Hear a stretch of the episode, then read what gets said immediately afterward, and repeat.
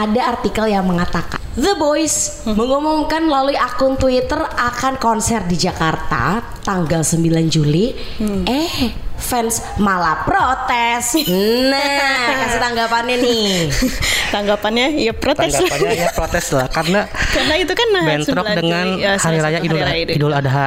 Oh iya. Iya. Oh iya bener. Di mana mayoritas Mayoritas kita kan Kita tuh mus- Indonesia beragam kan muslim. kan. kan kita juga nggak enak kan di saat Iya. hari ada hari raya raya kok kok malah ada ada konser-konseran. konser gitu gitu. Hmm, Akhirnya eh, saya perwakilan dari The Big juga mengajukan email ke promotor untuk minta di Reschedule. schedule jadwalnya dan akhirnya digubris oleh mereka dan diundur jadi tanggal 10 Juli.